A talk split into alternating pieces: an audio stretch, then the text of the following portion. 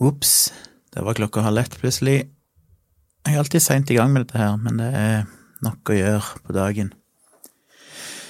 I dag har jeg endelig fått opp en ekstra skjerm her på kontoret mitt hjemme.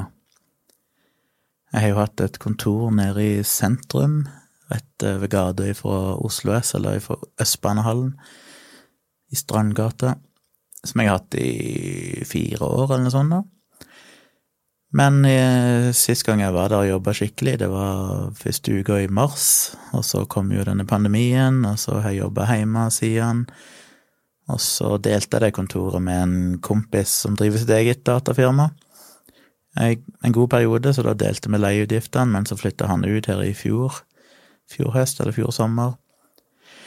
Og da ble det egentlig ganske dyrt å ha det kontoret aleine. Og når jeg ble tvunget til å jobbe hjemme her, så oppdaga jeg jo at det funker jo egentlig veldig greit, for som jeg sa i en tidligere episode, vi har jo fått dere en grei leilighet der jeg kan sitte på mitt eget kontor og lukke dører og, og jobbe i stillhet. Så jeg jobber her nå i to måneder, ganske nøyaktig, på heimekontor. og jeg bare jobber på en iMac. Og jeg er liksom vant med å ha to skjermer. På Mac-en så bruker jeg jo det de kaller for spaces, som er at du kan ha forskjellige skjermbilder som du kan veksle mellom, bare med å sveipe på muset. Og det er jeg helt avhengig av, for jeg har som regel en hovedspace der jeg har nettleser og mail og sånne ting. Eh, og der har jeg òg en applikasjon som heter Frants, som er en eh, Er det gratis? Jeg tror det er muligens gratis, men du kan betale for å få Nei, jeg husker ikke helt. Jeg tror jeg faktisk har betalt en engangssum for det. Det var ikke mange kroner, men men egentlig bare en slags rapper-programvare der du kan legge inn mange sånne chat-apper og ting. Så da har jeg på en måte Frans oppe, som er ett vindu, og så i venstre kolonne der så kan jeg switche mellom WhatsApp, Slack, som vi bruker på jobb til å kommunisere med hverandre, eh, Facebook, Messenger, og han støtter jo mange andre tjenester du kan ha inne, men det er de tre jeg har, da. WhatsApp, Slack og Messenger. Så de har jeg enkelt og greit tilgjengelig et uh, chattevindu, ja, og så er det jo andre småprogrammer som jeg åpner. Så det har jeg på en måte alltid hatt på den hovedspacen. Og så har jeg, når jeg flipper rundt en gang til høyre, så har jeg hatt eh, programmeringsprogrammet mitt, er Visual Code Studio, eller Visual Studio Code, jeg husker aldri, som er det programmet de fleste i dag bruker til å programmere. Veldig god sånn eh, Det er jo egentlig bare en avansert tekstbehandler, på en måte, men det er jo der du skriver koden. Og flipper jeg rundt enda en gang, så har jeg et oppsett med masse terminalvinduer, så jeg kan logge inn på mange forskjellige servere som jeg har å drifte. Så der har jeg vel jeg vet ikke hva, jeg har vel fire vinduer i hver av de, så har jeg masse faner, da, for det er masse servere, utviklingsservere, produksjonsservere og sånn, som jeg har enkel tilgang til da, i et sånt oppsett som jeg har lagra, så jeg trenger bare starte programmet, og så boom, så logger han inn på en shitload med servere og har vinduer klare til alle, så jeg kan gå rett inn på serveren og skrive kommandoer og drifte dem. Så jeg har brukt tre spaces hovedsakelig, men det er stress når du driver og flipper rundt hele tida. Eh, men enda mer stress er det egentlig på hovedspacen min, for det at det der når jeg driver og jobber med ting sånn, så når jeg driver og jobber med den boken min, saksynte-antologien, så vil jeg ofte oppe flere ting samtidig for å kunne liksom lese én tekst og sammenligne med en annen tekst og sånn, og da blir det fort litt trangt. Og så er vel den skjermen på iMac-en er vel fem, en 5K-skjerm, og når du kjører det på maks oppløsning, så blir det ganske smått, og jeg begynner jo å merke det med mitt eh, skrantende gamle syn. I fjor måtte jeg jo få meg skikkelig progressive briller for første gang i mitt liv. Jeg har jo alltid vært nærsynt, men nå begynner jeg jo å bli langsynt òg, om du kan kalle det det. Så nå må jeg ha progressive briller, der den øvre delen da gir meg godt syn på lang avstand, altså den nedre delen gir meg godt syn på nær avstand. Men skjermen er jo på en måte litt sånn midt imellom. Den er ikke veldig langt vekke, men den er heller ikke så nærme som jeg holder i bok eller en mobil eller noe sånt jeg skal lese på nært hold. Så selv om jeg ikke tenker på det sånn bevisst, for jeg ser jo på en måte i utgangspunktet bra nok, så merker jeg jo av og til at det kan være litt slitsomt å lese liten tekst. Og det har jeg jo aldri slitt med tidligere, naturlig nok. Så det er jo et sånn aldersfenomen. Men siden jeg skulle ha så mye på ett vindu, så måtte jeg ha ganske høy oppløsning for å kunne få presse inn mest mulig på skjermen. Men på kontoret mitt så har jeg jo alltid hatt to skjermer. Det er egentlig to skjermer jeg alltid har hatt å jobbe med. Eh, hjemme har jeg bare hatt den ene, for jeg tenkte jeg skulle stort sett bare bruke det til mest til videoredigering og nettsurfing og sånne ting. Men nå som jeg jobber hjemme og plutselig trenger oppe mange ting samtidig i mye større grad, så var det deilig å få henta en skjerm. Så når jeg måtte jo om, ikke ommøblere, men omstrukturere kontorpulten min her, for det er så shitload mange ting med kabler. Herregud, det har jo mange jeg? Én, to Iallfall fire svære padder bare med strøm. For jeg har tre eksterne disker på en del terabyte hver. En ekstern SSD som jeg bruker til å redigere på. Og så har jeg masse dingser som er kobla til USB. Jeg har den der berømte etikettskriveren min. Jeg har studiomonitorer. Jeg har to mikrofoner. Jeg har lys. Jeg har kamera.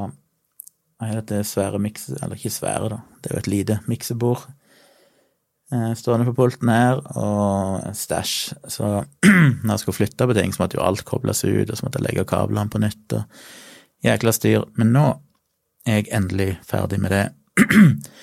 Så nå kan jeg endelig ha denne Frans-appen, denne chat-appen, den kan jeg ha på et eget vindu, sånn at uansett hvordan jeg flipper rundt den andre skjermen, så har det stående permanent på høyre side av meg, så jeg på en måte de faste programmene. Hvis jeg drar opp Spotify for på musikk, så kan jeg ha den liggende på den faste skjermen på høyre side. Hvis jeg drar opp eh, iMessage for å sende SMS-er, så kan jeg ha den òg. Så alle sånne faste ting er greit å bare ha stående på høyre side. Og hvis jeg da skal jobbe med bokmanus og sånn, så er det så mye lettere, for da kan jeg ha eksempel bloggpostene oppe i en nettleser på det ene vinduet på iMac-en. Og så kan jeg ha den der eh, Scrivener-programmet der jeg redigerer tekstene, kan jeg ha på høyreskjermen. Så jeg kan se begge samtidig uten å måtte drive og bytte mellom to programmer, for det koster fryktelig mye tid, og det er vanskelig å fokusere når du hele tiden må drive og flippe fram og tilbake mellom forskjellige applikasjoner. Så det å kunne ha de permanent hele tida er utrolig deilig. Så det er fått på plass. Men uh, der nede som jeg har hatt kontor, det er en sånn tredje etasjen der i Strandgata. Uh, det store bygget rett overfor gata fra Espanhallen, som sagt, og der holdt jo den gratisavisen Natt og Dag holdt jo til der tidligere, fram til de ble kjøpt opp nå i fjor sommer. Um, så de hadde jo mesteparten av den etasjen til alle journalistene og redaksjonen sin, pluss møterom og lunsjrom og alt mulig rart. Og de hadde de noen sånn mindre kontorer innenfor der som de leide ut for det er jo et annet selskap da, som eier kontoret, som på en måte eier deler av Natt, eller er han som er hovedaksjonær, tror jeg, i Natt og Dag og hybel.no og sånn. Han er jo drifta det. Så han driver og leide ut litt andre kontorer, så det var derfor vi fikk kontor der. Men så flytta jo Natt og Dag ut i fjor høst, og da har de leid ut enda flere kontorer rundt forbi. Blant annet ett sånn firma som jeg ikke husker hva heter, men det sitter bare en gjeng med unge, jeg tror det er bare menn, muligens ei jente eller dame som sitter i telefonen hele tida, så det er vel en sånn telefonsalg, eh, et eller annet selskap. Så de bygde om litt der inne og bygde opp noen nye skillevegger og sånn, og så måtte jeg flytte kontoret mitt, og de skulle rive det kontoret jeg satt på. Det var i fjor sommer, og da hadde jeg avtalt at det, jeg var på ferie og sånn, da på reise, så ble, han ringte meg vel når jeg var på ferie og sa liksom ja, den datoen der, da, om jeg kunne flytte ut, og sa ja, men jeg må liksom vente et par dager så jeg får tid til å komme ned og og flytte ut tingene mine, for jeg måtte flytte alt innover et hakk til et annet kontor, eller to hakk innover. og det skulle han sørge for, at den håndverkeren venta til jeg hadde flyttet ut og sånn. Så når jeg kom ned den dagen vi hadde avtalt, det var vel en lørdag, da skulle jeg ned og flytte kontoret mitt, da hadde jo denne håndverkeren eh, gitt faen i det.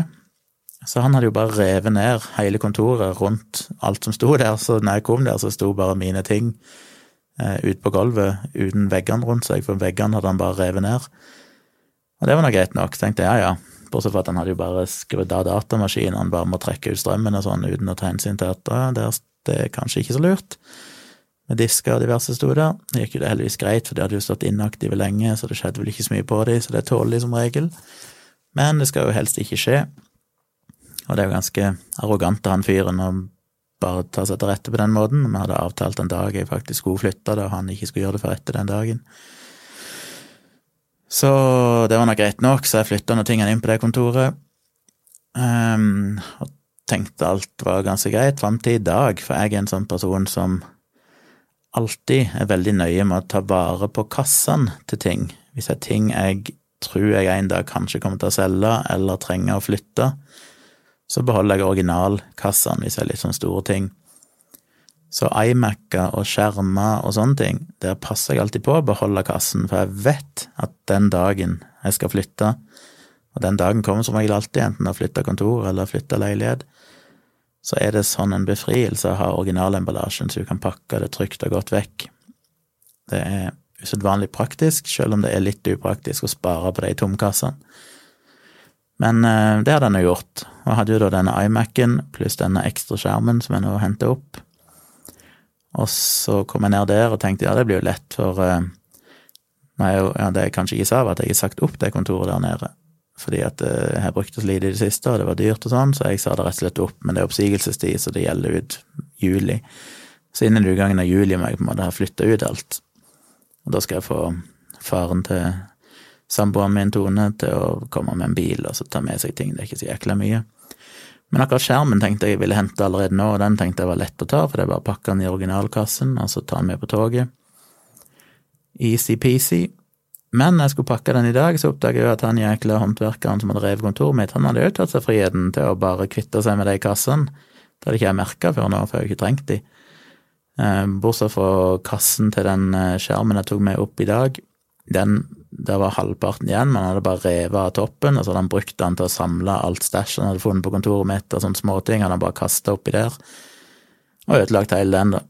Så den er jo normalt ganske kompleks, en sånn kasse du kan med isopor inni, og du kan pakke inn skjermen skikkelig og brette og låse den sammen, og så er det håndtak på toppen. Alt det var jo vekke, så det var liksom bare ytterkassen igjen. Så den var jo helt ubrukelig. Så det var jo relativt frustrerende. Ehm, litt forbanna på sånt. Men så er jeg en sånn som egentlig vet ikke hva jeg skal gjøre med det. Det er jo ikke noe, er han får gjort noe med i ettertid, og han, det er ikke han som leier ut sin feil.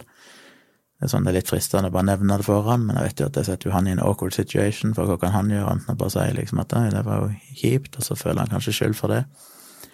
Selv om det ikke er hans feil, så det er ikke noe jeg kan gjøre noe ut av, men det var bare frekt og ganske unødvendig av han der kuken som gjorde det. Anyway, jeg fikk nå, siden alle tog var innstilt i dag på den banen, i hele dag, så har alt av tog vært vekke. Så endte jeg opp med å bare bestille en taxi, for ellers måtte jeg ha styrt med buss og hoppa av og masse styr. Så det gadd jeg ikke.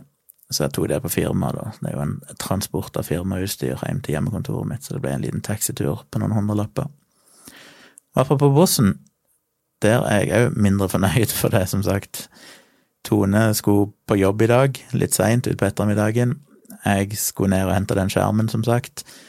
Det er en 13-14 eh, minutters togtur normalt på den lille strømbanen inn til sentrum, inn til Oslo S. Men togene var jo innstilt. Og så går du inn i den Ruter-appen, og så står det så fint at det står jo alle avganger, men så står det at det er buss for tog. Greit nok, så tenkte vi ok, da går vi og så tar vi den eh, buss for tog. Men når vi kom der, så var det jo klin umulig å vite hvor den bussen går hen, for den togstasjonen, Haugenstua, som jeg går av på, den er liksom ikke i nærheten av en vei sånn direkte. Så vi gikk først til nærmeste busstopp, som er et par hundre meter vekke, og så tenkte vi kom han her, men den busstoppen er på feil side av veien, og det var liksom ikke noen busstopp på andre sida av veien som gikk mot Oslo. Og fant, sjekka Google Maps, og der var det ikke merka noen busstopp på motsatt retning, så tenkte jeg fuck, kanskje han kom i nærheten av togstasjonen, da, og der er det egentlig bare en sånn gang- og sykkelsti, men tenkte kanskje han får lov, den bussen, da, siden det er ruter, at den får lov å kjøre opp der. Men når vi nærmer oss, så fant vi at bak et par andre bygninger så var det en slags liten eh, rundkjøring, eh, så vi plutselig så det sto noen folk, og så gikk vi bort der, og så oppdaget vi at her står jo folk og venter på bussen, så det her må det jo være. Og det irriterer meg, at de setter opp buss for tog, står det ingenting hvor denne bussen går, de hadde ikke satt opp noe skilt noe plass det sto pil til at her er buss for tog. Du måtte liksom bare tippe og finne det sjøl, og jeg ante jo ikke at det var der bussen stoppa, det var jo ikke intuitivt hvis ikke du er veldig kjent i det området som jeg ikke er. Så ble vi iallfall stående der og vente, og etter vi hadde stått i en 20 minutter For det fine er jo i Ruter-appen så går det jo tog hvert kvarter, og på hver av de står det det går buss for tog, så det regner kanskje med at det kommer en buss hvert kvarter. Etter 20 minutter så kom det tre busser uten noe merking på de, så alle liksom storma på og skulle på, og så sier bussjåføren nei, nei, denne her skulle til Lørenskog. Så gikk vi til neste buss, nei, den skal jo til Lørenskog, og så gikk vi til tredje bussen, nei, den skal jo til Lørenskog. De kunne ikke ta seg bryet til å bare sette et lite skilt i fronten, liksom, der det sto hvor de skulle hen, så vi faktisk visste det, for disse bussene åpner de jo ikke framme heller, de åpner jo bare i bakdøra av koronagreiene og smittevernhensyn, så hvis man går inn, stikker hodet inn bak og så må rope fram til sjåføren 'hei, hva du skal hen'? Anyway, det var nesten ingen som skulle den veien, så de kjørte jo bare videre. Så ble vi stående igjen, null informasjon, ingen som visste om det kom noen buss i det hele tatt, og når han kom. Så vi sto jo i 20 minutter til, eller sånt. Når det har gått 40 minutter, eller sånn, så kom jo til slutt en sånn liten minibuss. Og ja, til Lørenskog altså to svære sånne charterbusser pluss en minibuss. Ned til sentrum, som faktisk alle skulle, så kom det bare én liten minibuss. Så begynte vi å gå inn i den, og det syntes jeg var ganske ubehagelig, for det at du skal jo ikke gjøre det, egentlig. Der satt vi jo alle tettpakka på sida av hverandre, null space, med masse fremmede folk. Eh, det var ikke plass til alle engang, så noen måtte stå igjen og vente til det skulle komme en seinere buss, stakkar folk. Så det provoserer meg. Og det var kanskje dumt av dere å gå inn i den bussen, for det strengt tatt så burde det bare sittet én person per rad, det er jo to seter på hver side av midtgangen i en sånn minibuss.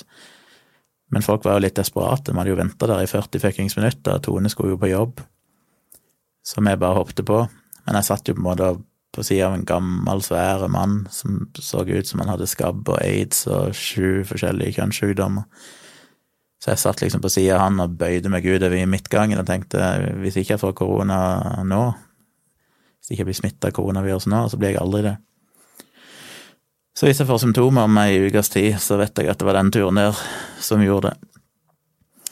Men det var litt Ja, det, jeg blir provosert av ruter, at de ikke kan merke hvor bussen går, at de ikke kan ta seg det bryet. Når liksom bussen hadde det vært én avgang, greit nok, men det var jo hele dagen, ifra morgen til kveld, så er det ikke gått et eneste tog. Og da kan de vel for fucking sake ta seg bryet til å faktisk si hvor denne bussen går hen.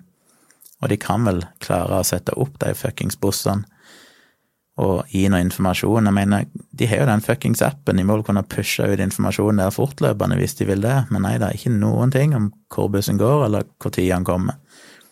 Og det så ut til å gå kanskje da ut i vår erfaring én buss i timen eller noe sånt. Det vet en jo ingenting om, det skal egentlig gå fire avganger i timen. Så det var litt av grunnen til at vi tok taxi hjem igjen, for jeg orka ikke det styret, å finne ut hvor bussen gikk ifra, og tid han gikk, og om det var plastdokker, og alt det der med en svær skjerm i fanget hvis det var en minibuss, pluss et par bæreposer med datautstyr som jeg tok med hjem. Eh, så det irriterer meg. Og det var ikke mye smittevernhensyn ifra Ruters side der i gården, det var i hvert fall helt sikkert og visst. Anyway, det var dagens frustrasjon. Um, jeg vaska iallfall hendene som en galning når jeg kom på kontoret mitt, uh, pluss antibac og fullpakke. Men som dere kanskje har sett jeg har posta, så snakka jeg litt i går, var det vel, om denne livestreamen Uh, men for å gjøre det litt mer spennende for alle parter, så kom meg og Tone plutselig på at kanskje hun skulle være med. For meg godt å sysle litt med tanken om å lage en sånn eh, videoserie som heter Samboerprat, som jeg tenkte jeg skulle ha på YouTube-kanalen min. Men så tenkte vi hvorfor ikke heller gjøre det inn på Patrion, og bruke den der ukentlige livestreamen til det. Kanskje ikke hver gang, kanskje hver gang, vi får se. Eh, fordi at når jeg starta Patrion, og liksom tenkte ut hva det kan gjøre på de forskjellige nivåene. Så tenkte jeg jo en ukentlig livestream kunne vært kult. Men så begynte jeg med denne podkasten, og da gjør jeg jo det hver dag, og da hadde det kanskje blitt litt for likt. Med en livestream, der eneste forskjellen stort sett er at dere kan òg være med selvfølgelig litt mer da, og komme med kommentarer underveis, og så kan dere se meg, men det er jo ikke så fryktelig spennende. Eh, så samboerprat blir altså greia. Så Tone blir med meg. Vi skal ha Ja, vi må tenke litt på hva vi skal gjøre. Eh, igjen, som jeg sier alltid, så er det lov å komme med forslag og spørsmål allerede nå.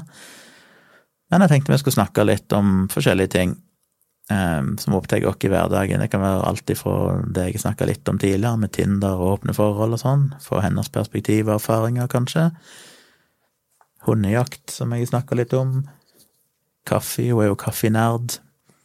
Um, ja, hvordan det er å være hjemme i denne koronapandemien. Alt mulig rart som vi måtte interessere oss. Og vi kan òg ta det litt på sparket, selvfølgelig, hvis dere kommer med forslag og spørsmål underveis. Så det tror jeg blir veldig, veldig kult. Hun er jo en, et fyrverkeri, eh, så det gøffer det opp noen hakk i forhold til bare at jeg skal sitte her alene. Så jeg håper virkelig dere stiller opp. Vi har jo altså flytta det til søndag kveld, førstkommende søndag. Ehm, det blir da 10. mai. Siden jeg spiller inn dette nå natt til lørdag, etter midnatt, så er det faktisk allerede i morgen. Når dere sannsynligvis hører dette. Klokka åtte er det vel. Og da må dere bare gå inn på Patrion, som sagt, og så jeg eh, Så ligger den langt nedi der, så ligger det en sånn live-feed, men jeg skal prøve å flytte den opp til topp, så den er lett å finne i morgen. Altså på søndag. Så det vil ligge en sånn video der, det er bare å klikke play, regner jeg med, og så ser dere livestreamen. Um, ja Hva var det jeg skulle si om det? Nå stoppa det litt opp. Um, Anyway, det blir livestream, så join us. Jo, det var det jeg skulle si, at hvis dere ikke har anledning til å se det live, så skal jeg òg legge ut videoen. Uh, det programmet jeg bruker, det er sånn at når du er ferdig med livestreamen, så kan du laste ned hele greia til disken, så da kan jeg laste ned hele videofila, og så tenker jeg at jeg laster den opp på Vimeo der jeg ikke leste opp den eh, lille presentasjonsvideoen min, for vi må jo ha en sånn integrasjon mot Patrion, så det går an å legge ting der som er helt lukka og låst kun for Patrions. Så ikke andre kan dele det noe plass uten å være med i denne gjengen. Eh, så fikk jeg òg et innspill, jeg nevnte det vel i en bisetning her i, fra en eller to podkaster siden, dette her med å legge ut høytlesning av boken min, eller bøkene mine, som podkast, og det skal jeg få gjort. Det er bare litt arbeid, for jeg må bare ja, jeg må bare hente inn lydfilene, og så må jeg bare redigere starten og slutten, så ikke en får med den, den ventinga i starten, i starten av livestreamen og sånne ting. Men jeg skal ikke gjøre noe redigering utover det. Jeg gidder ikke å redigere noe feil og sånne ting. Det får bli as is. Men jeg skal bare kutte litt i starten og slutten på de, så det blir litt mer uh, rene lydfiler, og kanskje se om jeg må prosessere lyden bitte grann. Og så kommer jeg til å poste det som eh, lydposter inne på Patrion. Og som jeg nevnte tidligere, du kan da altså høre dem rett i Patrion-appen, men hvis du heller vil høre dem som en skikkelig podkast, så går det an å gå inn på brukerprofilen din, tror jeg, og en eller annen plass der, så går det an å finne RSS-urlen, en sånn link du kan kopiere. Eh, og så kan du da gå inn i podkast-appen din og velge add podcast, eller noe sånt, og så kan du lime inn den URL-en der. Det er bare en engangsjobb. Når du har gjort det, så vil alle fremtidige lydposter komme der som podkastepisoder. Hvis dere syns det er vanskelig, så lag en link til det et eller annet sted i en tidligere post. Hvis ikke kan dere bare google Patron uh, audio uh, podcast feed, et eller annet sånt, så finner dere helt sikkert en how to på hvordan dere gjør det. Fordelen med å legge det inn som en podkast, hvis dere skal høre lydboka eksempel, er vel at de podkastappene kanskje er litt mer smoothie i forhold til å kunne kjøre i bakgrunnen av telefonen mens dere trener eller går tur. Noen av de synker òg med Apple Watch, for eksempel, eller hvis dere har en eller annen smartklokke og vil kontrollere avspillinga derifra. Jeg har ikke testa det i selve Patrion-appen, så jeg vet ikke helt hvordan det fungerer der. Hvis du trykker play, så går telefonen i dvale, og man da fortsetter å spille, sånn som man gjør i en podkast, det vet jeg ikke. Men den er iallfall mulig å få det som en podkast, det bare krever bitte grann manuell arbeid første gang. Og så vil dere, og Det fine med det er jo at dere får jo da notifications og nye podkastepisoder sånn hver gang jeg poster denne her podkasten, men òg når jeg legger ut lydbok som podkast. Så det vil jeg anbefale, og det skal jeg få gjort om ikke så altfor lenge. Så da legger jeg først ut håndbok i krisemaksimering, som jeg allerede har spilt inn, og så når jeg da får eh, tatt tak i denne placebo-defekten, høytlesninga, så kommer den òg etter hvert som en podkast eller som lydposter på Patrion. Apropos den, så har jeg ikke fått noen tilbakemeldinger fra dere om tidspunkt, hva som passer. Er ikke sikkert dere bryr dere så veldig, for at, uh, jeg legger det ut uansett som video og podkast etter hvert, så det er ikke sikkert det er så viktig for dere å se det live, og det skjønner jeg jo godt. Men det er jo gøy for meg om uh, noen få gidder å sitte og se på det live òg, så jeg føler at jeg ikke at jeg har noen med meg når jeg sitter og leser. Men uansett, hvis ikke dere kommer med innspill, så må jeg bare velge et tidspunkt, og da kan det godt være at jeg legger meg på halv ti, som jeg sa sist. Det vil passe seint at folk har fått barn i seng og sett nyhetene og gjort en del av de tingene, men tidlig nok til at dere ikke har lagt dere og sånne ting. Så jeg tror jeg satser på halv ti. Men det kommer mer informasjon om det. Nå skal jeg bare la denne her eh, livestreamen på søndag i morgen gå sin gang først. Promotere den litt. Eh, jeg har jo posta et sånt bilde både på Twitter og Facebook som jeg blir veldig glad hvis dere retweeter eller deler videre, for å få spredd ordet litt. Og hvis dere liker den første episoden på søndag, så håper jeg dere tipser andre og, og sprer det videre. Ikke selve livestreamen, for den får dere ikke lov til å dele, men, men det bildet og tips til andre om at dere syns det var gøy, hvis dere gjorde det. Så kanskje det er flere som signer opp og blir patrions og støtter opp om det arbeidet. Så det hadde vært kult. Eh, men det jeg skulle si, var at når jeg er ferdig med livestreamen, så skal jeg begynne å poste litt mer om eh, høytlesning av placebo-defekten med tidspunkter og datoer og sånne ting. Jeg har laga et bilde allerede som jeg driver og fikser litt på, der det står hva som skjer, og de datoene og tidspunktene jeg kommer til å drive live høytlesning. Så jeg bare bestemmer meg nå for et endelig tidspunkt og dato og sånn, og så kommer jeg til å poste den sikkert på mandag eh, den dag. Så da får dere mer info om det. Så driver jeg òg på med denne boken min. I dag har jeg ikke rukket å gjort noen ting med den, for jeg har jobba på dagtid, og så var jeg nede og henta denne skjermen, og så driver jeg og rigger om kontoret mitt og alt det der styret. Eh, men så får se om jeg rekker å jobbe litt videre med den i morgen. Og så vil jeg jo da òg prøve å få lagd et cover til den, som sagt, iallfall en et utkast til et cover så jeg kan bruke til å dele litt, og begynne å reklamere litt for Saksynt-antologien òg. Og se om det er noen som er interessert i å forhåndsbestille og, og kjøpe den etter hvert. Så det er mange prosjekter på gang. Ellers må jeg bare si helt til slutt at uh, vi tok en liten pause i stad og så et par episoder av uh, Papirhuset, og den holder virkelig mål. Jeg hadde jo, som jeg sa tidligere, sett de to første sesongene når de kom, det er jo tre-fire år siden. Og så kom det en sesong tre som jeg bare ikke rakk å se, for jeg var midt oppi andre ting, og så glemte jeg det litt vekk. Og så kom vi sesong fire nå for et par uker siden, eller noe sånt. Og da tenkte jeg vi må få sett det, så jeg fikk jo Tone med meg på å se sesong én og to på nytt, og det var jo like bra som jeg husker det. I sesong én og to så er det jo 13 episoder, tror jeg, i hver sesong. Og de varer jo 50 minutter per episode, så det er jo mye å se. Så jeg var litt spent på om de klarte å holde oppe koken, for det sesong to slutter jo på en måte, det er en slags ending. Eh, så jeg tenkte hva skjer i sesong tre? Men sesong tre og fire ser ut til å bare være åtte episoder. De er like lange, men det er jo kortere. Og sesong tre var dritspennende. Og nå har vi sett den, og er halvveis ute i sesong fire, som òg er veldig spennende. Og det er ganske drøye ting etter hvert. Det er sånn shit, what's happening? Og det fine med den serien at det alltid er sånn Hvordan i all verden skal de komme seg ut av denne knipa? Det er liksom alltid sånne ting du tenker nå må det jo gå til helvete. Og så er det alltid en lang genial løsning. Og det er det som er tilfredsstillende, syns jeg. Det er liksom en sånn plan bak alt det som skjer.